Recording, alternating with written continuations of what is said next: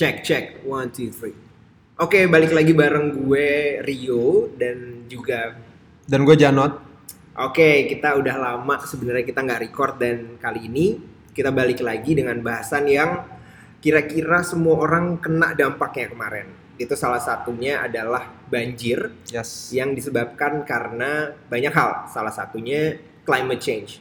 Yang kira-kira semua orang itu merasakan itu kayaknya, tapi kita belum teredukasi untuk itu. Ya nggak sih, Hmm? Gue aja nggak begitu paham. Menurut lo gimana? Bener banget sih. Karena eh, banyak orang yang menanyakan kayak ini dampak krisis iklim gak sih? Atau ini eh, salah kebijakan atau salah manajemen. Oke. Nah hal ini nih yang sebenarnya kita pengen eh, elaborasi lebih lah. Oke. Elaborasi lebih. Eh, kita ngundang satu narsum di sini. Eh, jadi di sini kita terbuka aja seperti biasa. Eh, for everything that matters ya cuy ya. Ya, kita goblok, kita pengen tahu.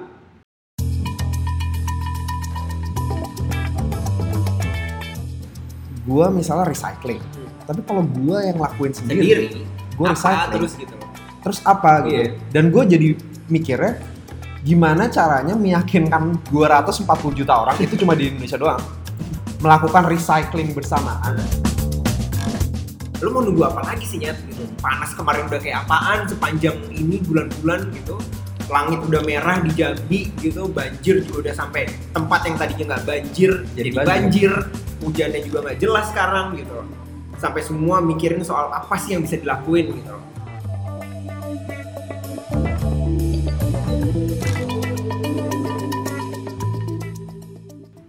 Oke, jadi kita sekarang udah kedatangan salah satu apa ya sebutannya pegiat ya, Pegiat lingkungan bisa. pegiat lingkungan dari salah satu apa ya em, apa sih eh, itu tuh namanya apa sih Movement sih sebenarnya. Movement ya? Pergerakan. nah. pergerakan ya Yes. pergerakan di bidang lingkungan yang namanya adalah Extinction Rebellion. Extinction Rebellion. Nah kita udah salah eh, kedatangan boleh diperkenalkan namanya dan juga pekerjaannya dan kira-kira melakukan apa sih sehari-hari di Extinction Rebellion ini?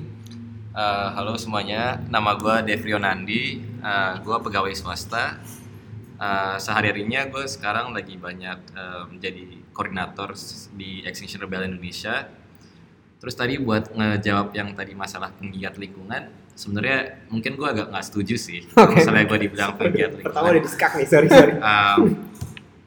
gue lebih eh, prefer gue tuh sebenarnya eh, cuman masyarakat sipil biasa aja sih Oke. gue cuman masyarakat sipil biasa yang sebenarnya uh, resah dan um, khawatir banget dengan masa depan kita gitu.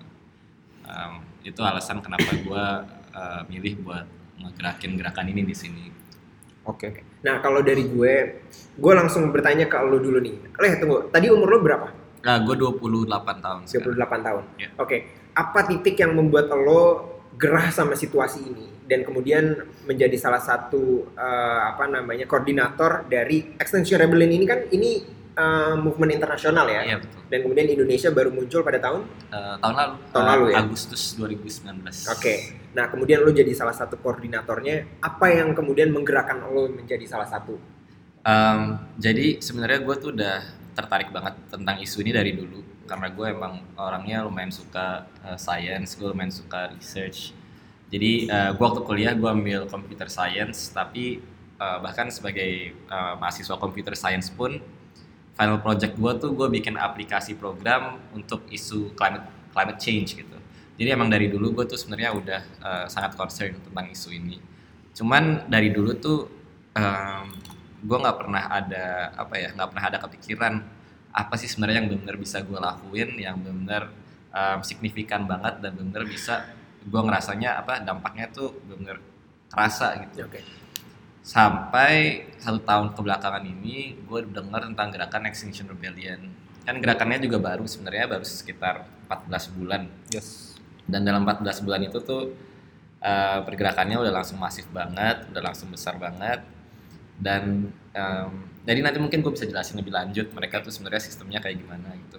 Eh, tapi setelah gue melihat mereka tuh gue bener kayak wah kenapa nggak dari dulu ya kita ngelakuin ini gitu karena gue ngerasa apa yang mereka ngelakuin atau apa yang mereka coba lakuin em, theory of change-nya mereka tuh sebenarnya em, efektif banget. Oke. Jadi em, dan gue ngerasa em, kebetulan gue sebagai koordinator karena gue adalah eh, yang pertama ngegerakin Extinction Rebellion di sini. Oke. Um, jadi alasannya adalah karena gue ngerasa kayak Indonesia tuh sebagai salah satu negara yang uh, penyumbang emisi terbesar di dunia itu uh, layak banget untuk kita juga punya gerakan seperti ini di sini gitu. Oke, ini lo sebagai salah satu orang yang peduli lah tentang situasi iklim sekarang gitu ya. Ya. Nah, kemudian lo membuka eh, apa namanya salah satu koordinator dari Extinction Rebellion ini. Nah, tapi kan sebenarnya udah ada gerakan misalkan kayak Greenpeace, kayak misalkan uh, Walhi Walhi, lah dan ya. segala macamnya ya. Ya. Sebenarnya apa yang kira yang pandangan lo kayak apa sih sebenarnya tentang mereka? Kenapa nggak bareng join bareng mereka, tapi Hmm. membuka jalur yang baru kayak gitu? Um, jadi gue ngelihatnya sih seperti ini sebenarnya. Um, kan kayak Greenpeace, Walhi itu udah ada dari uh, bertahun-tahun yang lalu. Um, cuman gue melihat dari pelajaran Extinction Rebellion dari luar negeri, menurut gue kenapa mereka dalam satu tahun terakhir itu bisa sangat um, meroket gitu. Itu karena um, pada dasarnya mereka adalah gerakan. Oke. Mereka bukan organisasi, beda. Oh, Mungkin Greenpeace atau Walhi atau NGO. Eh, ya mereka disebutnya NGO bukan gerakan. Dan ada beberapa um, pro apa kelebihannya, tapi ada juga beberapa limitasinya dalam uh, membuat sesuatu uh, membuat itu menjadi sebu- sebuah organisasi. Uh, buat orang-orang kayak gue kan gue um, gue nggak bisa lah jadi full time aktivis gitu. Um, gue kan pegawai swasta biasa. Uh, gue nggak bakal bisa buat jadi apa ya benar involved di day to day operationnya Greenpeace Hmm. misalnya dan karena Greenpeace itu adalah NGO jadi mereka itu ada struktur organisasinya Oke. ada hierarkinya dan lain-lain Um, yang gue suka banget dan itu tentunya nggak ada masalah Oke. gitu Um, cuman yang bikin beda Extinction Rebellion adalah mereka mempunyai prinsip itu uh, gerakannya adalah gerakan desentralisasi Hmm. jadi uh, yang mereka inginkan adalah mereka ingin semua orang untuk uh, be part of this movement dan bukan hanya be part of this movement tapi juga uh, menggerakkan inisiatif inisiasi mereka sendiri untuk melakukan aksi-aksi atau apa pun itu dalam isu krisis iklim gitu Oke. dan dan gue ngeliatnya itulah yang benar kayak menarik gue di Extinction Rebellion karena mungkin kalau misalnya gue mau misalnya gue kayak oh ya udah deh gue volunteer aja buat Greenpeace gitu terus misalnya gue mau bikin oh gue mau bikin strike nih Hmm. besok Hmm. di sini gitu mungkin kalau misalnya gue join di salah satu NGO tersebut uh, pasti tentunya ada prosedur yang Iya, harus betul. di karena uh, dia organisasi kan. betul, Iya, ya. benar-benar benar. sedangkan di Extinction Rebellion itu yang kita punya adalah hanya 10 prinsip dasar dan kalau misalnya 10 prinsip dasar tersebut kita um, apa namanya tidak langgar kita boleh melakukan suatu aksi atas nama Extinction Rebellion Berarti memang karena uh, strukturnya itu ya yang Ya. kadang-kadang membuat gerakan itu uh, terhalang lah gitu lah ya. Oke. Nah, gue sebelum ke hal yang lebih uh, Spesifik. spesifik lagi, lo Yes. ada yang lanjutan? Kalau gue sih mikirnya mungkin untuk pendengar juga ya, Hmm. mungkin benar-benar mereka nggak tahu nih apa sih Extinction Rebellion itu sebenarnya. Why the name is Extinction Rebellion in the first place. Terus eh, kenapa dia muncul dengan eh, theory of change yang mengambil dasar itu gerakan gitu. Uh, mungkin sekalian gue juga lebih elaborate tentang theory of change Extinction Rebellion juga kali ya Hmm. Uh, cuman pertama buat ngejawab pertanyaan lu kenapa namanya Extinction Rebellion um, first of all um, kita itu sebenarnya sekarang adalah um, banyak scientist bilang kita lagi di tengah-tengah the six mass extinction Uh, bahasa Indonesia mungkin um, periode kepunahan keenam ke- periode kepunahan massal keenam Oh gitu. jadi um, ini tuh sesuatu yang kita nggak pernah, uh, maksudnya sebagai manusia ya, sel- selama manusia itu Hidup. exist, Hmm. hidup, kita nggak pernah merasakan um, uh, berada di uh, kondisi ini. Hmm. Jadi terakhir itu ada uh, the fifth mass extinction itu adalah pas yang membuat dinosaurus-dinosaurus itu punah. Oke. Jadi kita itu sebenarnya banyak scientist bilang kita di tengah-tengah um, periode tersebut banyak sekali kayak um, spesies flora, fauna yang sudah siap tahunnya makin punah dan dengan um, berubahnya iklim kita semakin banyak lagi uh, spesies-spesies yang akan terancam gitu. Dalam konteks manusia pun um, ini adalah banyak uh, banyak sekali orang yang bilang ini adalah suatu um, suatu isu yang merupakan existential threat atau ancaman untuk keberlangsungan uh, manusia itu sendiri gitu. Jadi um, dari namanya Extinction Rebellion itu adalah kita istilahnya kalau di bahasa Indonesia kan kita mau kita mau memberontak lah Hmm. akan kepunahan yang eh, sedang terjadi nih di Oke. banyak spesies dan juga eh, nanti ke depannya bisa semakin apa namanya eh, beresiko untuk semakin banyak spesies lagi kan gitu Yes. Oke. termasuk eh, jutaan eh, nyawa manusia Um, dan yang kita lakukan itu juga agak-agak nakal lah istilahnya jadi mungkin itu alasan kenapa eh, namanya itu juga menggunakan Rebellion. rebellion gitu Ya. karena kita um, kita percaya kalau misalnya uh, situasinya itu sekarang sudah sangat darurat. Oke. Sebenarnya kalau di Indonesia kan yang saya ingat gue itu hanya baru pawai ya, baru Ya. kemarin pawai dilakukan oleh eh, XR Indonesia. Ya. Nah, yang udah dilakukan sama XR yang ada di luar itu Ya. apa aja sih yang masif dan dampaknya tuh apa aja sih ke ke lingkungan? Apakah ada dampak langsungnya gitu? Ya, oke. Jadi theory of change ya Ex- Extinction Rebellion itu seperti ini. Um, jadi kita percaya bahwa ini membutuhkan suatu uh, krisis iklim. Hmm. Itu isu yang sangat kompleks, sangat besar. Itu membutuhkan suatu solusi yang juga sangat kompleks dan sangat besar. Oke. Tentunya uh, akan dibutuhkan kerjasama dari semua pemerintah di seluruh dunia. Uh, kita merasa bahwa udah bertahun-tahun isu krisis iklim tuh diomongin dari Iya, zaman Al Gore. Inconvenient Truth. Betul. Tapi fact of the matter is ada satu indikator penting yang sangat berpengaruh tentang krisis iklim, yaitu masalah uh, figur emisi dunia dan tiap tahunnya itu terus meningkat. Um, jadi bisa dibilang segala cara, segala solusi yang sudah dilakukan semua pemerintah di seluruh dunia sampai saat ini masih gagal, sudah gagal, masih gagal lah Belum. Oke. oke. belum cukup. Jadi kita mau um, dan kemarin itu uh, dua tahun yang lalu IPCC atau perkumpulan uh, ilmuwan uh, PBB itu mereka mengeluarkan report yang lumayan memberikan apa ya warning lah buat kita semua. Warningnya adalah um, apabila kita mau melimit pemanasan global di bawah 1,5 derajat, Hmm. 1,5 derajat adalah titik yang dibilang oleh saintis sebagai um, the safe limit Hmm. kita hanya mempunyai eh, 12 tahun lagi dan itu dua tahun yang lalu Itu aja yang limitnya ya. ya itu limit yang safe limitnya lah istilahnya Oke. nah jadi dari Extinction Rebellion melihat eh, report tersebut akhirnya dibuatlah gerakan Extinction Rebellion ini jadi balik yang tadi gue ngomong mengenai gimana caranya kita bisa memberikan tekanan atau memberikan pressure ke pemerintah-pemerintah di seluruh dunia agar Oke. bisa meningkatkan em, keseriusan dan ambisinya dalam eh, climate action. Ya, yang udah dilakukan yang di luar apa aja? Tentunya kan selama ini bertahun-tahun tuh udah banyak banget lah. Ada NGO, ada think tank group, semua udah mencoba gitu. Cuman apa yang bisa dilakukan oleh warga sipil biasa seperti orang-orang kayak gua gitu, orang-orang kayak kita semua gitu. Yap. Nah, em, kalau kita lihat eh, dari sejarah, salah satu cara paling efektif untuk bisa eh, menekan pemerintah dan membuat suatu eh, perubahan sistematis dan yang sangat massal itu adalah eh, dengan melakukan apa yang disebut sebagai non-violent direct action atau em, aksi langsung tanpa kekerasan. Eh, contohnya misalnya kayak eh, kemarin waktu lagi rame kan reformasi di korupsi Hmm. yang ada beberapa RUU kontroversial yang mau di apa dilewatkan oleh eh, DPR. dibahas oleh DPR itu kan akhirnya banyak sekali kayak masa yang turun ke jalan mereka menyampaikan aspirasi mereka dan penyampaian aspirasi di publik itu tuh adalah suatu hal yang dilindungi oleh undang-undang di Ya, Indonesia sebenarnya betul. gitu Um, dan kita kan sebenarnya para pemerintah kita ini itu kan kita yang memilih sebagai rakyat dan mereka kan dipilih sebagai perwakilan rakyat kita kan gitu. Jadi ya itu adalah salah satu hak kita untuk menyampaikan pendapat kita dan keresahan kita tentang isu ini gitu. Dan itu adalah sesuatu yang uh, co- dicoba lakukan oleh Extinction Rebellion. Namun yang um, ada satu hal yang mungkin lebih membedakan dibanding aksi-aksi uh, non-violent direct action biasanya.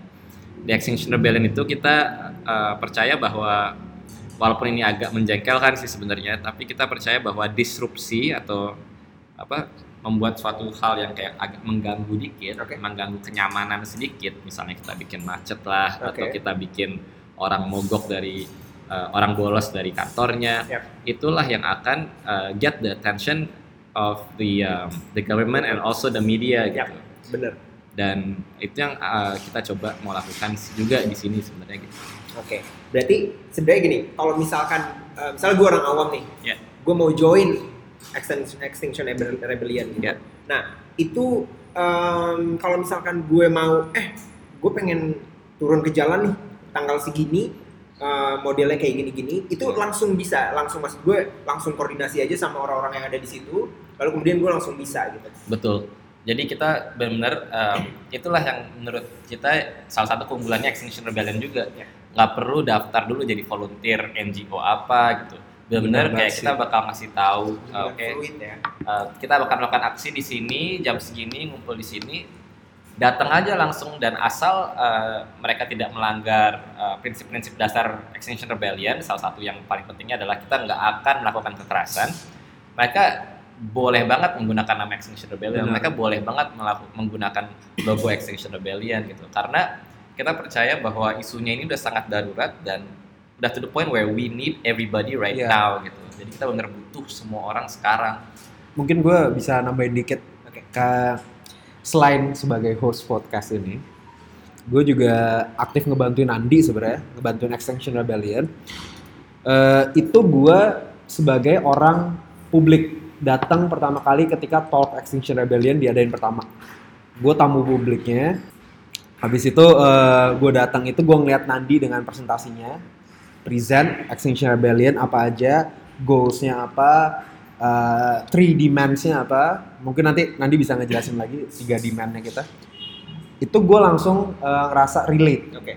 Jadi uh, menurut gue Extinction Rebellion di sini mempunyai advantage ya, keuntungan, kelebihan sorry, kelebihan di mana karena ini sangat inklusif, everyone is more than welcome to join us. Oke. Dan kalau bahkan kalau lu udah setuju dengan prinsip-prinsipnya, ya you could say that you are part of the rebellion also gitu. Oke.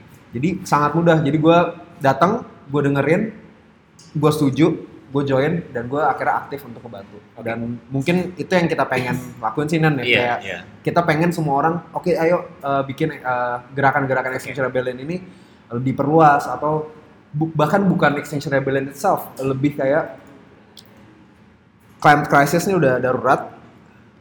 Kita harus ngelakuin sesuatu bersama-sama. Ya. Salah satu alasan gue ngerasa harus banget di Indonesia ada gerakan ini juga karena sebenarnya kita tuh di front line in terms of climate crisis, in terms of dampak-dampak yang dirasakan, kita tuh udah jauh lebih merasakan lebih banyak, lebih intens, lebih frequent dibanding negara-negara Eropa eh, tersebut. Contohnya, ya udah tau lah kemarin kan baru banjir, ya kan. Banjir yang disebabkan oleh em, hujan terekstrim semenjak eh, pencatatan data eh, hujan di Jakarta. Lalu berapa bulan yang lalu kan rame banget em, kebakaran hutan, Ya. yang akhirnya banyak banget orang terkena ISPA, juga ada dua korban jiwa. Em, Tapi langit merah itu ya. betul, sampai langit merah di di Jambi kalau nggak salah kan Ya ya. di Jambi. Iya. Em, terus eh, di, di Jawa Tengah tahun lalu juga ribuan hektar eh, sawah padi itu gagal panen Oke. Em, karena musim kemaraunya tuh panjang banget, jadinya terjadi kekeringan, eh, jadinya banyaklah gagal gagal panen Iya. itu terjadi gitu. Jadi dampak-dampak ini tuh kita lebih merasakan lagi sebenarnya. Cuman em, kita masih belum bisa em, apa masyarakat kita itu masih belum bisa menyambungkan dari semua permasalahan ini disimpulkan ke satu apa payung besar yang menjadi em, Root cause-nya. root cause-nya penyebab utama dari eh, semua dampak-dampak tersebut. Oke. Tapi kalau misalkan seperti misal harapan lo adalah masyarakat bisa mengerti bahwa ini adalah masalahnya itu satu gitu, climate change, climate crisis gitu. Nah, bagaimana menjelaskan kepada masyarakat bahwa memang misalnya kayak apalagi masyarakat Indonesia ya, banjir yang terjadi kemarin dan juga langit merah yang ada di Jambi kemarin, eh, kebakaran hutan yang nggak berhenti berhenti, itu adalah em, apa namanya masalah dari climate change yang memang selama ini tidak pernah di eh, ditanggulangi secara serius oleh pemerintah dan juga misal masyarakat juga nggak terlalu peduli soal itu. Bagaimana meyakinkan masyarakat soal itu dan dengan dengan mungkin dengan bahasa-bahasa yang kita bisa lebih terima gitu, lebih gampang mencernanya. Bagaimana menjelaskan itu? Ya itu memang salah satu tantangannya sih sebenarnya. Oke. Em, cuman yang kita kalau misalnya kita lagi bicara ke teman-teman gitu kan kita sering ngobrol-ngobrol kita bikin eh, aca- adakan diskusi terbuka seminar yang kita em, coba selalu utarakan adalah eh, kita ingin masyarakat kita tuh menjadi lebih kritis gitu jadi kalau misalnya ada terjadi sesuatu misalnya terjadi gagal panen eh, kita ingin jangan hanya oh iya nih gagal panen nih tahun ini gitu. Tapi kita mulai harus lebih kritis apa yang menyebabkan gagal panen tersebut gitu. Dan jawabannya kan karena musim kemarau yang lebih panjang. Next stepnya adalah oke kenapa musim kemarau ini Iya. tuh bisa jadi lebih panjang? jadi lebih panjang gitu. Oh. Ah, kenapa sih alasannya tuh apa gitu. Dan sebenarnya kalau misalnya kita em, bisa terima apa namanya data-data ilmiah yang Ilmiah. sudah diberikan itu juga udah dijabarkan sebenarnya jadi ilmuwan-ilmuwan itu udah menjabarkan dari beberapa tahun yang lalu kalau misalnya ini loh yang akan terjadi kalau misalnya eh, bumi kita terus memanas eh, seperti itu ada beberapa terms yang sebenarnya sama tapi itu berubah-berubah dari eh, kira-kira dari tahun 80-an. Mhm. Pertama kali kalau nggak salah tapi correct me if I'm wrong ya Nana. Ya. Pertama kali itu kalau nggak salah disebutnya dengan global warming. Ya. Bener nggak Nana? Iya, Ya kan? Global warming eh, berjalan itu sampai tahun 90-an, 2000-an awal itu baru orang ada terms yang namanya climate change, Oke, perubahan iklim. berubah ya bahasanya. Abis Jargon itu sekarang dengan masifnya pressure dari publik, kita nyebutnya sekarang bahkan saintis juga nyebutnya sekarang dengan climate crisis. ya. Oke. Dan climate crisis ini bukan akan climate crisis, tapi kita, ha, kita sekarang sedang merasakan Oh, oke. climate crisis. Berarti memang itu itu uh, perkembangannya lah kayak gitu ya. Ha. Dari dari global global warming kemudian jadi climate change. Berarti sekarang kita di tahap climate crisis. Betul, karena salah satu alasannya adalah uh, climate change itu tidak memberikan uh, substansi urgency dari permasalahan ini gitu. Sedangkan kayak krisis itu kan uh, by definition adalah sesuatu yang kayak membahayakan ya, membahayakan suatu apa masyarakat gitu Ya. kan. Dan kalau misalnya kita lihat fakta-faktanya sudah ada orang yang meninggal akibat uh, banjir kemarin. Sudah ada banyak orang yang meninggal karena uh, summer yang panas banget di Eropa. Ya. Jadi uh, menurut kita udah layak lah kita mulai menyebut isu ini sebagai krisis iklim. Oke. Gue mau masuk ke hal yang spesifik ya. Boleh, bahas yang boleh. soal banjir kemarin. Ya. Bagaimana menjelaskan bahwa itu adalah sesuatu yang terjadi karena climate change. Sebenarnya kenapa sih gitu? Apa sih yang bisa XR kasih penjelasan ke kita gitu? Ya, jadi sebenarnya yang gue mau uh, utarakan juga adalah untuk banjir di Jakarta itu kita tahu lah sebenarnya dari puluhan ratusan tahun yang lalu banjir tuh udah ada di Jakarta. Benar, benar. benar. Jadi um, buat bilang ini karena climate change itu juga nggak akurat. Tentunya ada banyak sekali faktor-faktor yang menyebabkan terjadinya banjir di Jakarta. Um, cuman yang kita mau yang kita mau tekankan adalah um, pemanasan global, uh, terjadinya disrupsi di uh, siklus iklim itu menyebabkan beberapa anomali-anomali cuaca. Contohnya um, di Indonesia kemarin nyampe sekarang pun ini sekarang uh, udah mulai masuk Februari. Februari. Zaman dulu kan waktu gua kecil kayak kita nyebutnya biasanya bulan yang berakhirnya ber itu musim hujan. Iya benar. Oh, ya kan? iya. Iya. Benar-benar gue Iya. pernah tahu. Gue Iya. pernah dengar itu. Tapi sekarang Itu baru sih. Iya memang ada bulan-bulan ya kan bulan maksudnya secara Bener sih, tapi- secara praktikal Iya. teori bulan ini sampai ini marau, bulan ini sampai ini hujan gitu. Betul. Tapi Tapi- kayaknya sekarang nggak gitu-gitu sekarang udah ya. nggak jelas. Oke. Kita ada Februari mau dibilang udah masuk musim hujan pun nggak bisa juga. dan bahkan prediksi BMKG juga kadang-kadang salah banget. Gitu. Betul. Nah, apa yang terjadi? Jadi sebenarnya dari pemanasan global, dari pemanasan suhu bumi kita, itu kita kan jadinya eh, mengganggu yang tadi gue bilang siklus iklim. Jadinya em, musim-musim itu bisa kacau balau. Oke. Dan itu yang kita sudah kita rasakan sekarang. Benar sih. benar musim banget. kemarau tuh udah jadi panjang banget. Karena musim kemarau-nya panjang, yang terjadi itu beberapa hal. Eh, salah satunya adalah eh, musim hujannya jadi semakin sempit Oke. jadinya istilahnya kayak dia ngamuk lah Ya. karena apa namanya terkonsentrasi. terkonsentrasi ya periode itu. gue nggak mau terlalu spesifik di di ilmu uh, sainsnya Ya, oke. cuman ya kurang lebih seperti itu juga alasan lainnya ya karena musim kemaraunya panjang, em, permukaan air tuh jadi semakin eh, apa namanya? Air tuh evaporasinya jadi semakin cepat Oke. kalau misalnya panas. Misalnya kita istilah gue mau bikin simpelnya lah. Misalnya kita habis eh, mandi di kamar mandi, terus lampunya tuh kita nyalain terus, Hmm. itu lantai kita bakal keringnya lebih cepat karena kamarnya lebih panas. Hmm. Kalau misalnya eh, lampunya nggak kita nyalain itu evaporasinya nggak akan secepat itu Iya. air-air yang ada di lantai gitu. Dan itu secara apa namanya konsep itu juga apa yang terjadi. di laut kita gitu. Iya betul Ah. itulah kenapa uh, bisa terjadi uh, hal-hal seperti hujan terekstrim Iya. yang terekor curah hujannya curah iya, besar. betul. Jadi uh, di situlah yang kayak kita mau coba uh, komunikasikan ke semua orang bahwa ya memang banjir sudah ada dari bertahun-tahun ya memang tentunya apa namanya kebijakan-kebijakan spesifik mengenai penanggulangan banjir berpengaruh.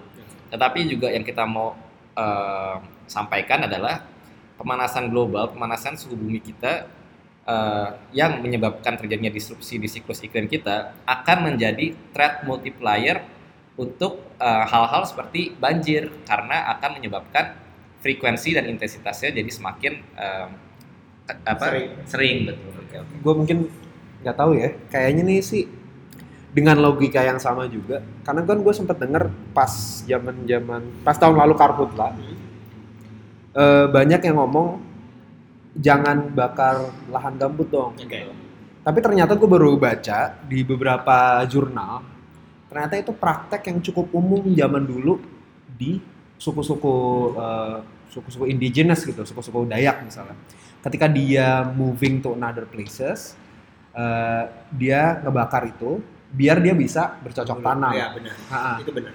jadi eh, untuk ngomong bahwa jangan ngebakar kayak gitu, kalau misalnya situasinya seperti zaman dulu, skalanya tuh tidak akan sampai sekarang kayak kayak yang sekarang terjadi atau tahun lalu terjadi. Oke, oke. Tapi ketika mereka masih melakukan tradisi yang sama di suhu bumi yang sangat-sangat panas, jadi ketika dia ngebakar dikit langsung nyebar. Oke. dan karena tentu musim juga- kemarau makin panjang jadinya lebih Iya. kekeringan Oke. itu yang menyebabkan kalau misalnya terjadi kebakaran luasnya udah nggak bisa kita apa namanya kontrol lagi Oke, jadi bisa disimpulin dari dua kejadian, misalnya kayak dari Karhutla yang tahun lalu Yes. misalnya.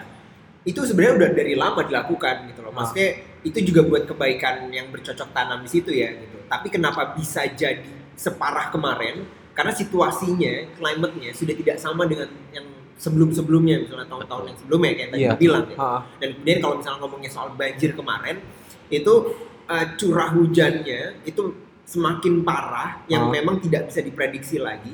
Itu Iya. karena memang uh, apa namanya tadi yang seperti Nandi bilang kemaraunya semakin panjang yang membuat pada akhirnya iya kayak tadi curah hujannya itu jadi balas dendam lah karena sudah lama kemaraunya jadi Ah. ini giliran gue nih hujan nih gitu. Aha. Nah, akhirnya separah itu ditambah lagi akhirnya uh, si pemerintah dan juga masyarakat tidak sa- tidak memiliki kesadaran untuk itu gitu loh. Ya, akhirnya banjir lah. Maksudnya soalnya kemarin banyak yang cerita kayak titik-titik yang sebenarnya sebelumnya tidak banjir, Iya. pada akhirnya kena banjir juga Hmm. gitu. Itu kan orang bertanya-tanya maksudnya. Iya, iya. Sebenarnya apa sih yang terjadi? Benar. gitu? Apakah hanya sesimpel karena gue buang sampah sembarangan? Apakah karena uh, saluran airnya tidak begitu ini gitu, tidak meresap airnya atau apa-apa gitu? Itu yang jadi pertanyaan orang-orang kan. Uh, dan gue mau nambahin sesuatu sih. Tadi kan gue mulai uh, bicarakan tentang threat multiplier dalam bentuk um, efek-efek yang terjadinya. Cuman gue juga mau sampaikan bahwa ini juga ada um, efek dominonya. Jadi mereka juga menjadi threat multiplier untuk implikasinya. Yang gue maksud dari yang gue maksud dari itu adalah seperti ini. Um, dengan terjadinya misalnya gagal panen Hmm. itu juga menjadi threat multiplier karena implikasinya gagal panen apa? Implikasinya gagal panen adalah uh, ketahanan pangan kita mulai terganggu. Oke. Ketahanan pangan kita mulai terganggu, artinya harga makanan bisa semakin mahal. Benar. Orang-orang apa uh, supply Iya makanan pun berkurang. Itu kan juga jadinya akan menjadi ancaman. Benar. Benar. Lalu contoh lainnya adalah misalnya uh, di isu kesehatan Ya. dari apa namanya eh, banjir kemarin banyak banget jadinya orang yang sakit karena Bener. mereka harus eh, tinggal di apa namanya environment yang masih kotor Bener. dan lain-lain. Jadi threat multiplier-nya itu bukan hanya di efeknya saja, tapi dari efeknya itu pun Menimbulkan hal-hal lainnya, betul menimbulkan masalah-masalah lainnya. implikasi-implikasi lainnya. Hmm. Jadi sebenarnya yang kita selalu mau coba katakan itu adalah um, isu krisis iklim ini bukan cuma isu lingkungan sebenarnya. Ini adalah isu um, social justice, ini adalah isu ekonomi, Benar. ini adalah isu uh, public health, isu eko- ekonomi kenapa? Contohnya tahun 2015 itu kan terjadi kebakaran hutan yang luar biasa besar di Indonesia. Kerugiannya kepada negara dan teman-teman bisa cek sendiri, kerugian negara tahun 2015 itu 220 triliun rupiah. Hmm. Sedangkan nyampe tahun ini pun dana penanggulangan bencana kita hanya 15 triliun. Oh, oke. Jadi ini juga menyebabkan apa implikasi-implikasi uh, untuk kerugian ekonomi negara gitu. Iya benar. Dan itu yang sebenarnya harus kita semua uh, juga mulai bicarakan dan itulah kenapa um, kita tuh bener kayak apa ya? uh, Takut sih sebenarnya. iya kita tuh takut karena kita tuh hidup di um, bukannya gue mau nakut-nakutin tapi kita tuh hidup sebenarnya di society yang sangat rentan gitu. Uh, gejolak sedikit aja tuh benar-benar bisa menimbulkan Iya. suatu apa namanya uh, keri- kericuhan lah gitu Oh, dan tentunya di sini kita semua nggak mau itu terjadi kan Benar. gitu dan ya kita sih inginnya uh, kita mulai bisa inilah uh, prevention dibandingkan nyampe itu semua udah terjadi nanti harga makanan mahal um, bisa terjadi terjadi krisis ekonomi um, semakin banyak apa namanya penyakit penyakit sebelum itu semua terjadi yang itu semua kalau di um, digabungkan itu bisa berdampak ke apa namanya terjadinya keruntuhan sosial gitu kan. Oke. Eh, itu yang mau kita coba uh, komunikasikan komunikasikan ya. Oke. Dan uh, what can we do? Kalau misalkan oke lah sekarang sudah krisis gitu, climate crisis gitu. Sebenarnya kalau dari XR sendiri apa yang kalian harapkan di masyarakat sipilnya? Ya. Apa sih yang bisa dilakuin dilakuin oleh masyarakat sipilnya selain uh, tadi uh, gerakan turun ke jalan misalkan gitu. Ya. Itu berpa- berpartisipasi di situ apa yang mereka bisa lakuin dan kemudian uh, secara individu ya, maksudnya gue Ya. ngapain aja sih supaya nyelamatin lingkungan gitu Ya. dan kemudian dari pemerintahnya apa sih yang kalian harapkan kalau misalkan mereka sudah declare climate crisis apa tuh yang bisa dilakukan setelah itu Jadi um, ini sebenarnya hal yang sangat umum banget uh, ditanyakan gitu sebenarnya. Jadi kalau dari Extinction Rebellion kita itu uh, percayanya bahwa um, yang kita butuhkan adalah system change. Tetapi selama ini um, udah 15 tahun, 14 tahun uh, kita merasa bahwa salah satu hal yang mengakibatkan um, mitigasi terhadap isu ini lumayan gagal adalah karena terjadinya apa namanya um, responsibility untuk um, melawan krisis iklim diserahkan ke individu. Cuman yang gue mau sampaikan adalah um, apa sih sebenarnya nilai dari respons yang proporsional. Yang gue maksud adalah contohnya seperti ini. Misalnya ada sebuah um, kolam, kolam kosong, kolam renang kosong. Lalu ada orang yang dia numpahin ada ember gede banget, dia numpahin air Hmm. dimasukin ke kolam tersebut. Dia masukin terus, dimasukin terus, dimasukin terus. Lalu ada beberapa orang yang udahlah em, kita ambil sendok, lalu kita keluarin aja airnya pelan-pelan. Satu-satu kita keluarin airnya. Nah itu adalah hal yang coba dilakukan oleh banyak orang dengan Iya. em, kita mulai dari kita sendiri aja deh. Kita nggak pakai plastik. iya sih itu Kita- maksudnya Kita jangan sendok sen eh, apa uh, sedotan-sedotan besi Iya, kita jangan Ngaruh apa, kita ya? mulai recycle. Ya Iya itu sih, kayak itu. tak sebenarnya ngaruh sih ngaruh sama aja dengan ngeluarin kolam renang airnya dikeluarin pakai sendok. Itu itu itu gue gue mungkin langsung jump in deh. Itu pertama kalinya gue hope tuh di Hmm. bagian itu. Kenapa? Karena gue ngerasa kayak anjir gue misalnya recycling. Hmm. Tapi kalau gue yang lakuin sendiri, sendiri gue recycling. terus gitu loh terus apa gitu Iya. dan gue jadi mikirnya gimana caranya meyakinkan 240 juta orang itu cuma di Indonesia doang melakukan recycling bersamaan atau misalnya Nggak pakai mobil, nggak nggak pakai mobil, motor, nggak ya, pakai ya. motor bersamaan.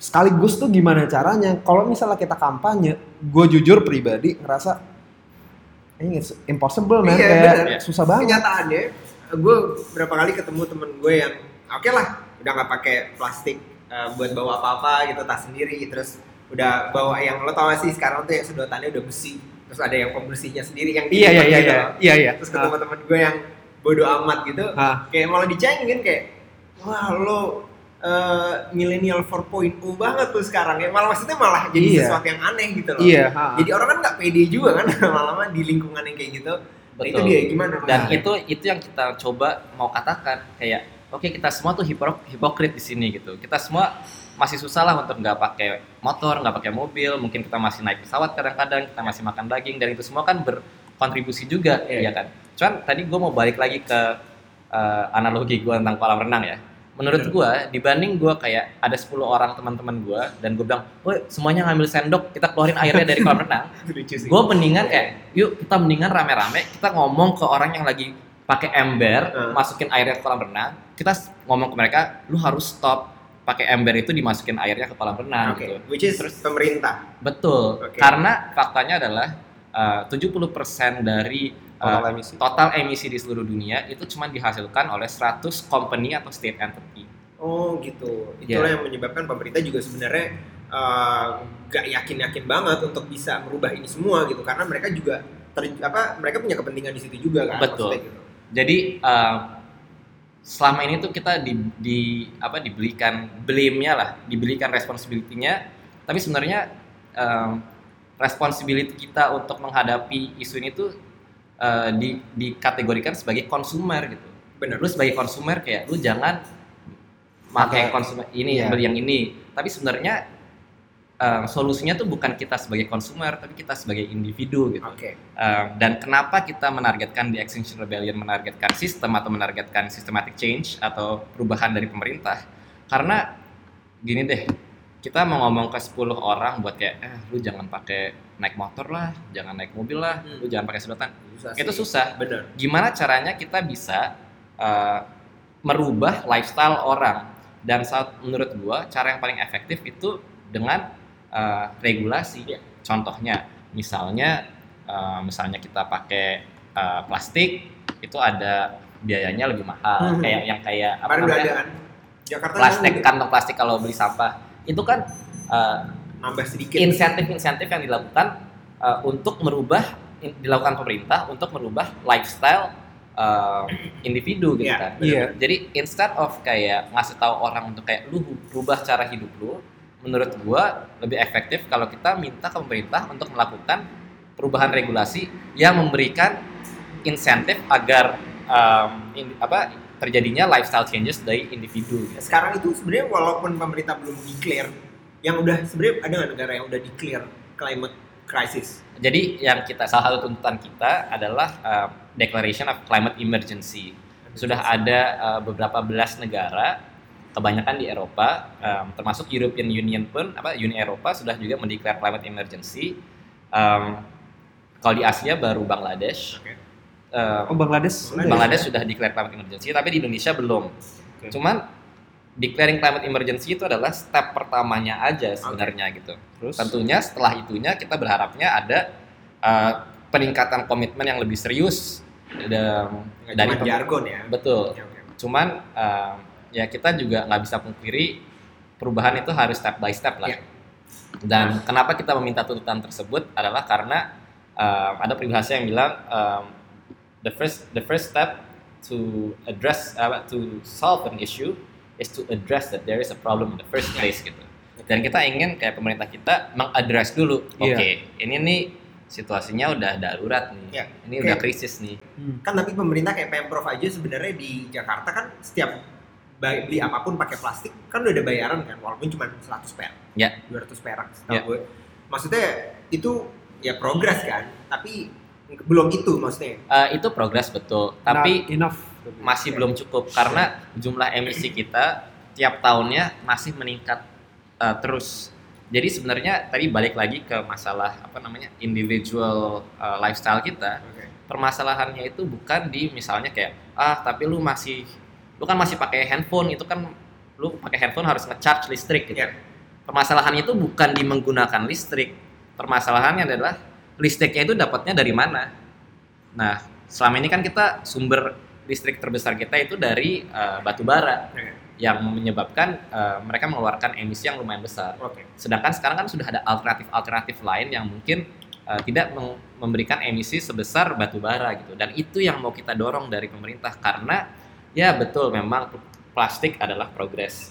Tapi um, Ada hal yang lebih besar. sumber emisi terbesar Indonesia itu dari sektor energi dari kita menggunakan batu bara untuk apa namanya em, listrik atau bahan bakar mobil dan juga dari sektor em, kehutanan. Oke. Di sektor kehutanan itu karena kita banyak em, apa namanya bakar hutan lah. Ya. Kita banyak deforestasi terus kita banyak bakar hutan dan dua sektor tersebut adalah sektor yang di Indonesia sangat di em, kontrol oleh pemerintah.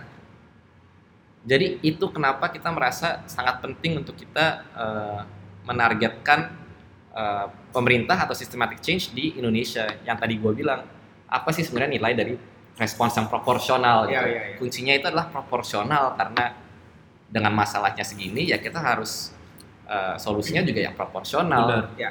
Eh, kalau gue sih ngeliatnya, ya ini gue benar-benar pandangan ya. awam ya, pandangan awam gue ngeliatnya bahwa ada satu yang menjadi the new normal, Hmm. kayak misal banjir sekarang, itu akan menjadi new normal. Oke.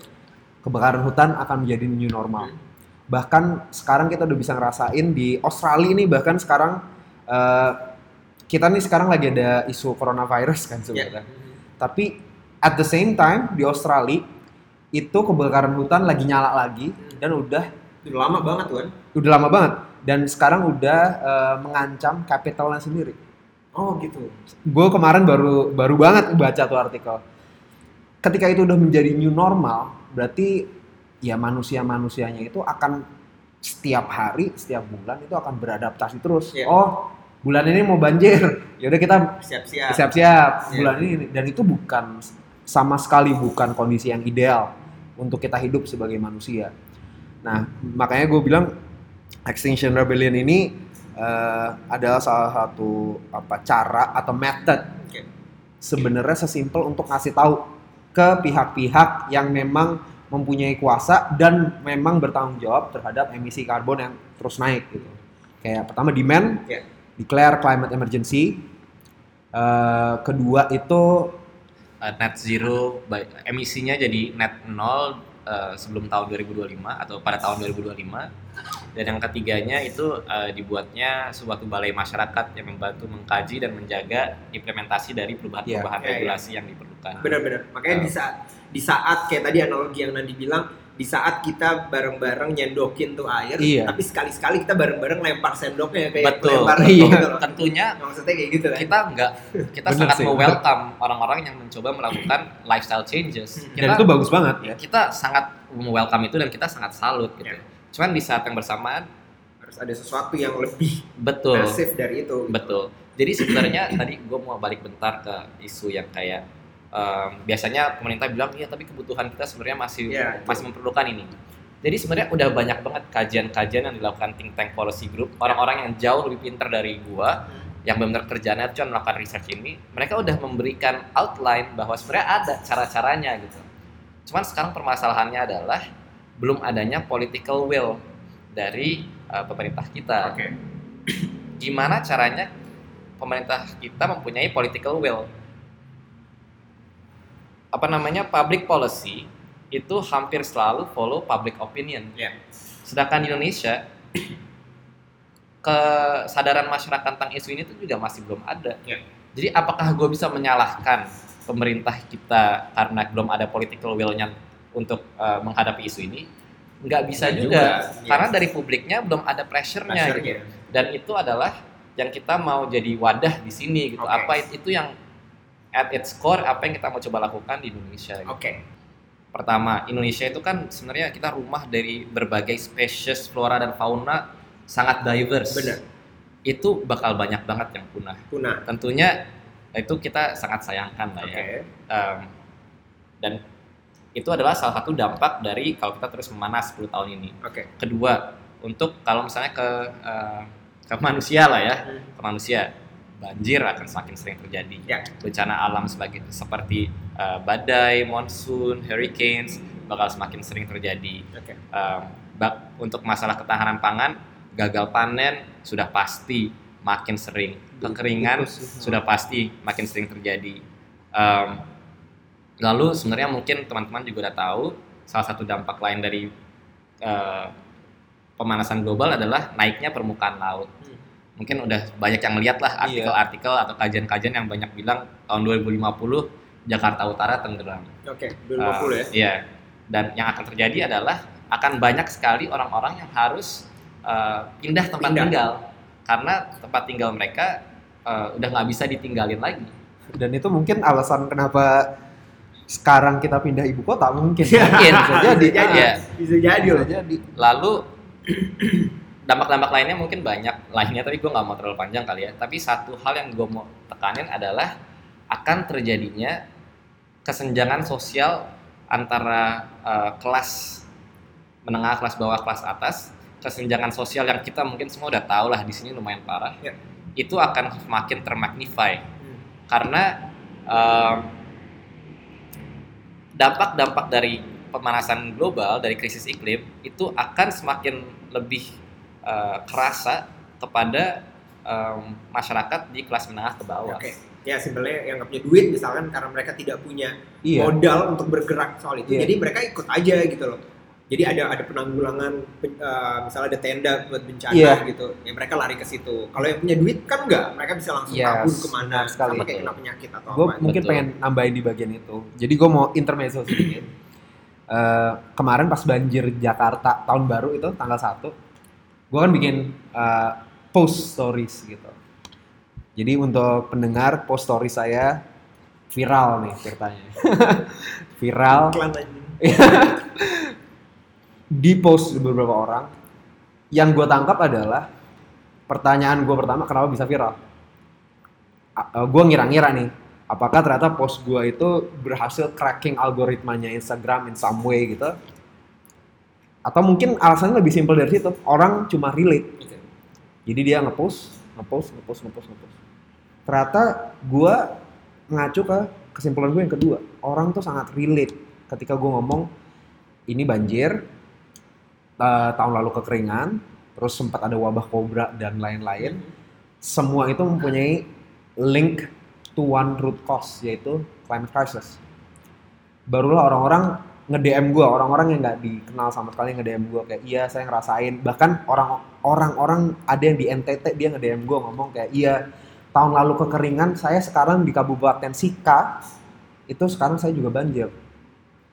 Jadi ketika gue apa mendapatkan pengalaman seperti itu baru gue ngeh oh ini relate banget sebenarnya Iya, bener. bisa dibayangin kayak ya tadi orang-orang yang middle to upper class ketika dia banjir di Jakarta Utara di perumahan-perumahan mewah di Pantai Indah Kapuk gitu misalnya dia tinggal booking gitu Ya. booking hotel sementara atau dia pindah ke rumah saudaranya yang di Jakarta Oke. Selatan Atau ke Singapura, atau ke. Singapura ya nunggu sampai reda baru dia balik lagi. Ya. Tapi lu bisa bayangin kalau middle to lower class mereka akan stay di tenda pengungsian Oke.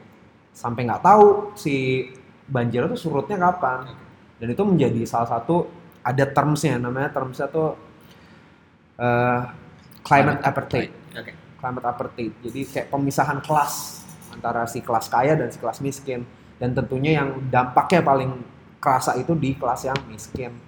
Itu sangat serem sih kalau gue pribadi ya. Itu Iya. serem banget sih.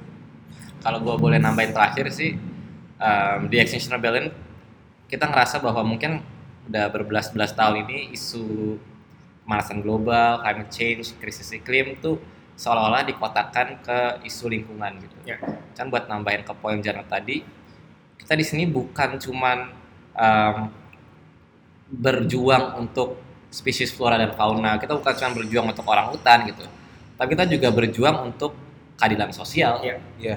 keadilan sosial bagi Harus seluruh rakyat. Indonesia gitu Iya, kan. ha. Kita juga uh, berjuang untuk apa namanya uh, keadilan ekonomi, keadilan kesehatan, keadilan hak-hak kemanusiaan. Iya. Karena ini tuh kita ngomongin the most basic needs, kebutuhan paling pokok oleh seseorang gitu. Mhm.